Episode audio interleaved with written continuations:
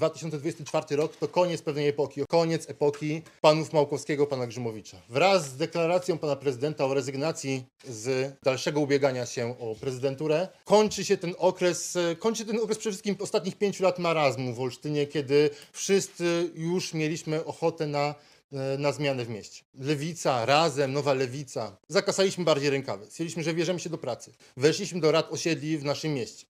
Zaczęliśmy pisać i tworzyć e, projekty do budżetu obywatelskiego.